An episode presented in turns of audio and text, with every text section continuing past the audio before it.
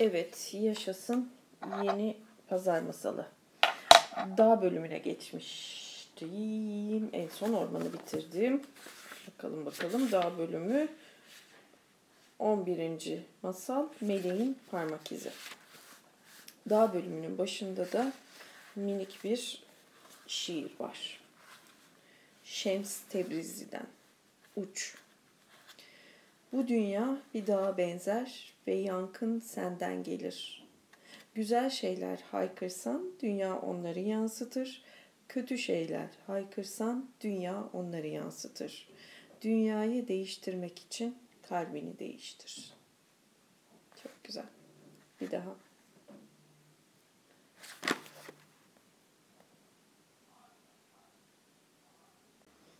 Uç, bu dünya bir dağa benzer ve yankın senden gelir. Güzel şeyler haykırsan dünya onları yansıtır. Kötü şeyler haykırsan dünya onları yansıtır. Dünyayı değiştirmek için kalbini değiştir. Masala başlıyorum. Yukarı bak. Dağ, yeryüzüyle gökyüzü arasında bir köprü. Aa masal değil bu. Girişi pardon. Bir saniye. Girişi mi? Evet. Dağın girişi sonra meleğin parmak izi var. Okay. Yukarı bak. Dağ, yeryüzüyle gökyüzü arasında bir köprü yaratarak semaya uzanıyor. Şimdi bizim için yukarı tırmanma zamanı. Yokuşun seni korkutmasına izin verme. Başlarken gözünün korkması normal ama her yolculuk bir adımla başlar. Adım adım zirveye ulaşıp ciğerlerimizi taze dağ havasıyla dolduracağız. Hava elementi her zaman zihin ve fikirlerle ilişkilendirilmiştir. Dağa tırmanıyoruz çünkü yeni fikirler edinmek istiyoruz. Çünkü hayal gücümüzü canlandırmak istiyoruz. Çünkü ilham dolu bir hayat yaşamak istiyoruz. Yeryüzünün düzlüklerinde yürürken etrafımızdakilere karşı körüz. Çünkü düz arazide Ah cümleye takıldım. Çünkü hayal gücümüzü canlandırmak istiyoruz. Çünkü ilham dolu bir hayat yaşamak istiyoruz. Aynen öyle. Yeryüzünün düzlüklerinde yürürken etrafımızdakilere karşı körüz. Çünkü düz arazide illaki büyük resmi gizleyen, manzaranın bir bölümünü kapatan bir ağaç, bir kaya, bir tepe vardır. Aşağıdayken bu körlük başkalarını taklit etmemize ve konformizme, yani sürü psikolojisine yenik düşmemize sebep olur. Bu bizi içgüdülerimize güvenmekten, özgün düşünmekten alıkoyabilir. Davranış ve yaşamın sadece tek bir yolu olduğuna ve onu takip etmekten başka bir çare olmadığına inanmamıza sebep olabilir. Gel gelelim dağın tepesinde durup aşağıdaki dünyaya baktığımızda kör noktalar kaybolur. 360 derece görüş açısı kazanırız. İşte o anda her şey berraklaşır. Orada fark ederiz ki tek yol yok. Sonsuz yol var ve biz de kendi yolumuzu yaratabiliriz. Kendi dağının tepesinde durmak demek merkezlenmiş, farkında, bağlantıda olmak ve dünyada nerede olduğunu ve nereye gitmek istediğini bilmek demektir. Buradan başlayarak sürüden uzaklaşıp kendi özgün yoluna girebilirsin. Kendi dağının tepesinde durmak demek merkezlenmiş, farkında, bağlantıda olmak ve dünyada nerede olduğunu ve nereye gitmek istediğini bilmek demektir. Hava, sevgi, neşe ve denge ile bağlantılı olan kalp çakra ile ilişkilidir. Hava, sevgi, neşe ve denge ile bağlantılı olan kalp çakra ile ilişkilidir. Yolculuğun bu bölümünde hava elementiyle bağ kurmak için zaman ayır Pencereleri aç, evindeki kokulara özen göster. Bir mum eşliğinde doğal esans yayılsın odalara. Havada kirlilik yaratan yapay kokular ve kimyasal deterjanlardan uzak dur. Yolculuğun bu bölümünün arketipi şifacı. Dünyadan çekilip dağdaki mağarasında kalbinin gücüyle dünyayı iyileştirmeye odaklanır. Bu arketipin gücünü hissetmek için onu hayal edip ona soru sorabilirsin.'' Bu bölümün renkleri sarı ve zümrüt yeşiline hayatında yer ver. Aa çok güzel sarı ve zümrüt yeşili. Şahane. Bu bölümün arketipi şifacı. Dünyadan çekilip dağdaki mağarasında kalbinin gücüyle dünyayı iyileştirmeye odaklanmış. Bu arketipin gücünü hissetmek için onu hayal edip ona soru sorabilirsin. Bu bölümün renkleri sarı ve zümrüt yeşiline hayatında yer ver. Yolculuk ve farkındalık, dağda nefeslen diye bir başlık. Hava elementi tabii ki soluk almakla ve koku alma duyumuzla bağlantılıdır. Kent sakinleri olarak tüm duyularımız içinde genellikle koku ve tat alma duyularımız en zayıf olanlardır. Bu biraz hava kirliliğinden ve her yere sıkılan yapay kokulardan ya da bazılarımız için doğal malzemelerle koklaya koklaya yemek hazırlayacak zaman bulamamız, bulamamamızdan kaynaklanıyor olabilir. Köydeki evime gittiğimde her şey kendi gibi kokuyor. Ağaçlar, toprak, yağmur, eski evin taş duvarları, hatta ahşap mutfak dolabının içi bile. Şehirdeki ilaçlı domateslerin hiç tadı yok. Dolaplar lavanta, tuvaletler çam ormanı kokuyor. Kimyasallar doğal kokuları engelleyip onları yapay kokularla değiştiriyor. Bu şekilde kandırılan bizlerin burunlarımızla bağlantımız kesiliyor. Bu bir felaket çünkü koku alma duyumuz bize evet ya da hayır diyebilme imkanı verir. Hoşlanmadığın görüntüler, sesler ve dokularla karşılaşabilirsin. Ama bunlardan çok azı senin koşarak oradan uzaklaşmana sebep olur. Büyük annenin halısı yeşil ve kahverengi çiçeklerle bezeli dünyanın en çirkin pembe halısıysa keşke değişik bir model seçseydi diye düşünebilirsin. Ama yine de büyük annen annenle çay içersin ve halıya halıyla ilgili yorum yapmamak için kendini tutabilirsin. Oysa ki salondaki çirkin bir görüntüden ziyade kötü bir koku olsaydı oturup kibarca çayını içmez, bu koku da ne böyle diye feryat eder ve oradan kaçmak için elinden geleni yapardın. Bu net bir hayırdır. Bu neden önemli? Burnumuzdan kopuz. Oysa ki burnumuz saniyeler içinde bizim için neyin çekici, neyin itici olduğunu bilmemizi sağlamaktan sorumludur. Sonuç olarak bilmem ki bölgesinde yaşamaya başlarız. Orada hiçbir şey ah, harika değildir. Ancak eh kadardır. Sonuç olarak bilmem ki bölgesinde yaşamaya başlarız. Orada hiçbir şey harika değildir. Ancak eh kadardır. Artık neyin bizim için gerçekten doğru olduğunu bilmiyoruz. Bu sebeple bir sürü seçenek karşısında karar vermemiz imkansız hale geliyor. Dolayısıyla herkes neredeyse o yöne kayıyoruz. Moda ve trendlere kapılıp sürüyü izliyoruz. Bence o ılıman, kararsız bölgede kalmak hayatı yaşamanın korkunç bir şekli. Tutkulu ve kararlı olmak istiyorsak kendimize has yolumuzu seçmeye ihtiyacımız var. Onu tanımak için de burnumuza.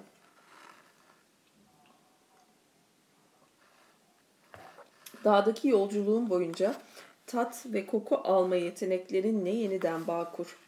Sadece kitabı okurken demiyorum. Bırak bu yolculuk evdeyken ya da sokaktayken de içinde devam etsin. Hayatına bulaşsın. Doğal malzemeler kullanarak yemek yapmak için olabildiğince zaman ayır. Otlar ve baharatlar kullan ve yemeğe katarken her birini kokla. Yemeklere başlamadan önce tabağındaki kokuyu içine çekmek için zaman ayır. Her lokmanın tadına var. Her öğün burun ve damağından oluşan kendi kutsal karar merkezine yeniden bağlanman için bir fırsattır. Gün içinde derin koklama, nefes egzersizleri için zaman ayır. Bu normal nefes almaktan farklıdır.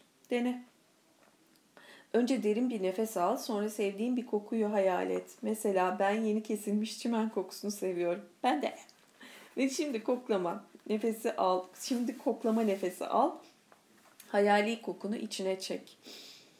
Hmm, portakallı bir koku geldi benim burnuma. Portakal esansı gibi, portakal ağaçları, çiçekleri gibi bir koku. Hmm. Kokladığında farklı nefes aldığını fark et. Hava biraz daha yükselerek beyne ve koku soğancığına olfaktür bulbus bağlanır. Hmm. Bu senin karar verme soluğundur. Gün içinde düzenli olarak koklama nefesleri al. Hayali kokular veya esanslı yağlar kullanabilirsin. Bir mendile sevdiğin yağdan bir damla damlatıp kokuyu içine çek. Tat ve koku yeteneklerine ne kadar bağ kurarsan karar almanın ve ne istediğini bilmenin o kadar kolaylaştığını göreceksin. Şimdi değneğini kap, dağın tepesine tırmanıyoruz. Haydi bir adımla, bir masalla başlayalım. Hmm, bu esans yerine ben şeyi kullanıyorum işte bu son dönemde. Yasemin kokulu bir el kremi e, aldım. Onu kullanıyorum. Çok keyifli geliyor bana mesela Yasemin kokusu. Durup dururken çantamdan çıkarıp dönüştürüp başka bir dünyaya geçiyorum. Evet. Evet masal. Meleğin parmak izi. Meşhur bir sır var. O kadar sık anlatılıp tekrarlanmış ki artık sır olmaktan çıkmış ama hala gizemini koruyor. Ne kadar bildiğimiz mühim değil. Bu hayatla ilgili her zaman hayretler içinde ağzımızı açık bırakacak gerçekler var. Bu sır yüzlerce yıl önce ateşin çevresinde çocuklara fısıldandı. Zaman da değişti, bizim hayata dair bilgilerimiz de. Ama bu masal tohumu hala uyku vaktinde fısıldanır. Bir hayli kitabın sayfalarının arasında yerini bulur, bu kitapta dahil. Ben onu bizi dürterek uyandırmaya çalışan evrenin eli gibi sakin bir hatırlatma olarak görüyorum. Sana bu masal tohumunu anlatacağım. Eğer bahçende yetişirse bırak çiçek açsın. Eğer sana tohum verirse onları başkalarının bahçelerine dek. Ah, çok güzel. Eğer bahçende yetişirse bırak çiçek açsın. Eğer sana tohum verirse onları başkalarının bahçelerine de ek. Ta ana rahminde yüzdüğün zamanı hatırla. O zaman dünyayı anlamak için kullandığımız duyuların yedi kapısı kapalıydı. Gözler, kulaklar, ağız ve burun delikleri. Ama o zaman açık olup da şimdi kapalı olan bir kapı vardı. Tam başının üzerinde kafatasın açıktı. Tamamen açık değil de daha ziyade bir çatlak gibi. Böyle çatlaklardan girer ışık içeri. Rahimde de böyleydi. Kafatasındaki aralık ışıkla, evrenle ve hakikatle bağlantını sağlıyordu. Annenin rahmindeyken her şeyle bağlantıdaydın. Evrenin dengesini, mucizesini, her şeyin bağlantısını kemiklerinde hissediyordun. Sonra doğdun, suyu terk ettin, havaya çıktın ve ilk nefesinde çığlık attın. Tüm dünyaya söylemek istedin. Hepsini, insanoğlunun körleştiği bütün gerçekleri açığa vurmak istedin. O zaman melek geldi. Usulca yanına uçtu ve parmağını dudaklarına bastırarak seni susturdu. O anda parmağını senin dudaklarına bastırdığında her şeyi unuttun. Her şey silindi. Melek sana hiçbir şey bırakmadı. Sadece bastırdığı parmağın izi kaldı geriye dudağınla burnun arasında. Bazılarımızda bu iz daha derindir. Çünkü bazılarımız her şeyi anlatmaya o kadar hevesliydi ki susmaya, unutmaya direndi. Bu yüzden melek daha derine bastırmak zorunda kaldı ve yüzlerinde daha derin bir iz bıraktı. Parmağını bu ize koy ve bil ki sana da dokundu. Bu izi ışığın var olduğunu, doğmadan önce onu bildiğini ve hayat denen yolculuğun her şeyi yeniden keşfetmek olduğunu sana hatırlatmak için bıraktı. Bu izi ışığın var olduğunu, doğmadan önce onu bildiğini ve hayat denen yolculuğun her şeyi yeniden keşfetmek olduğunu sana hatırlatmak için bıraktı. Kaynağa bağlısın başlık. Kimilerimiz bilmenin asıl yolunun eğitim ve öğretim olduğunu düşünmek üzere yetiştirildik. Bu demek oluyor ki ancak başkaları tarafından keşfedilmiş olan şeyleri bilmeyi umabiliriz ve bizden önce yaşamış insanlar tarafından keşfedilmiş büyük çapta bilginin çok küçük bir bölümünü dahi öğrenebiliyorsak şanslıyız. Öyleyse yeni bir şey düşünmek için neden uğraşalım? Oysa doğada bir çocuğu izle. Hayatın gizemlerini kendi başına keşfetmenin enerjisiyle yükseklerde zevk içinde uçarken göreceksin. Keşfetmek mi ya da hatırlamak mı? Özgür bıraktığımızda zihnimizde aniden canlanan fikirlerin garip bir dokusu var. Gerçek şu ki bilgeliğin ve bilginin kaynağıyla bağlantıdayız. Bildiğimiz her şey bize öğretmenlerimizden geçmedi. Birçoğu içsel olarak dengede olduğumuz anlarda yani ilhamın kaynağına bağlanabiliyorken bizim tarafımızdan keşfedilmiş ya da anlaşılmış olanlardır. İşte dağın tepesinde durmak bu kaynağa bağlı olmaktır. Her daim parlak fikirler, deha anları ve dünyayı yerinden oynatacak farkındalıklar sahnağı altındasın. Ya sonra? Çoğu zaman bir dakikalığına onlarla oynayıp sonra onları unutma tuzağına düşeriz. Yok canım, o kadar parlak bir fikir olması mümkün değil. Bu kadar basit olsaydı başkaları bunu çoktan düşünmüş olurdu. Nihayetinde ben kimim ki?'' İşte bu kadar. Senin deha şimşeklerinin kaybolmasına sebep muhtemelen kendini parlak fikirlerin aktarıcısı olmaya değer bulmaman. Oysa ki öylesin. Dışarıdan gördüğün parlak proje ve fikirlerin birçoğu senin gibi normal insanlara tuvalette otururken, doğada yürürken ya da duş alırken geldi. Yani kendilerini iyi hissettikleri ve zihinlerinin özgürce dolaşmasına izin verdikleri anlarda. Fikir sıradan ve masum görünen uçan bir kelebek gibi geldi. Daha önce sana defalarca gelmiş olan fikir kelebeği gibi. İşin sırrı fikirlerini fark edip onlara değer vermektir. Parlak fikir avcılarına birkaç tüyo. Okul başarının ne olduğu, ailenin mesleği ya da şimdiye kadar yaratıcılığının birileri tarafından anlaşılıp anlaşılmamış olması mühim değil. Değerli bir kanal olduğuna ve her daim parlak fikirler sağanağına tutulduğuna inanmalısın. Sen bağlantıdasın. Parlak fikirler her zaman trompet eşliğinde gelmeyebilir. Çoğu zaman küçük, masum, beyaz bir kelebeğe benzeyerek gelir. Esas marifet onları fark etmektir. Bir kere bir fikir yakaladın mı ona inanmalısın ve onu gerçekleştirmek için adımlar atmalısın. Her yeni fikrin eleştirilere maruz kalacağını bilmelisin. Bunu kişisel algılama. Sen kendi fikirlerini ciddiye almaya başladığın anda çevrendekileri de kendi fikirlerini ciddiye almaya ve eyleme geçmeye çağırıyorsun.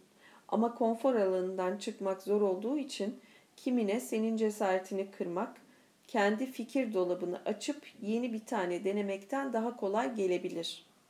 O nedenle kendini koru. Yorum dinlemeye gelince seçici davran. Yaratıcı olup riskler alan ve ilham verici hayatlar yaşayan arkadaşlarının sunduğu geri bildirimleri dinlemeyi tercih et. Tekrar, yaratıcı olup riskler alan ve ilham verici hayatlar yaşayan arkadaşlarının sunduğu geri bildirimleri dinlemeyi tercih et. Çok mühim. Hayata uygula melek nefesi. İlhama ihtiyacın olduğunda işaret parmağını burnunla dudağının arasındaki melek izine koy ve kendine de ki bana dokunuldu. Ben bağlantıdayım.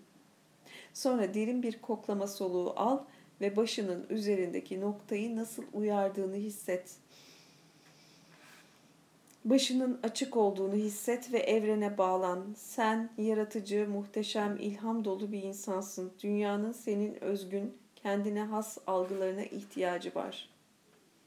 Oynama zamanı bir melek görüyorum. En sevdiğim. Bir melek figürü ya da resmi seç ya da kendin yap ve üzerine dokunuldum yaz. Bunu ilhamın kutsal kaynağıyla bağlantıda olduğunu kendine hatırlatmak için sık sık görebileceğin bir yere yerleştir. Başının üstü ile gökyüzünün bağlantısını hissedersen görünmez bir ip seni zirveye doğru çeker.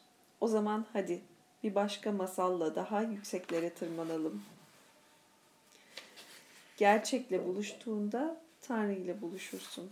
Anonim ve nokta.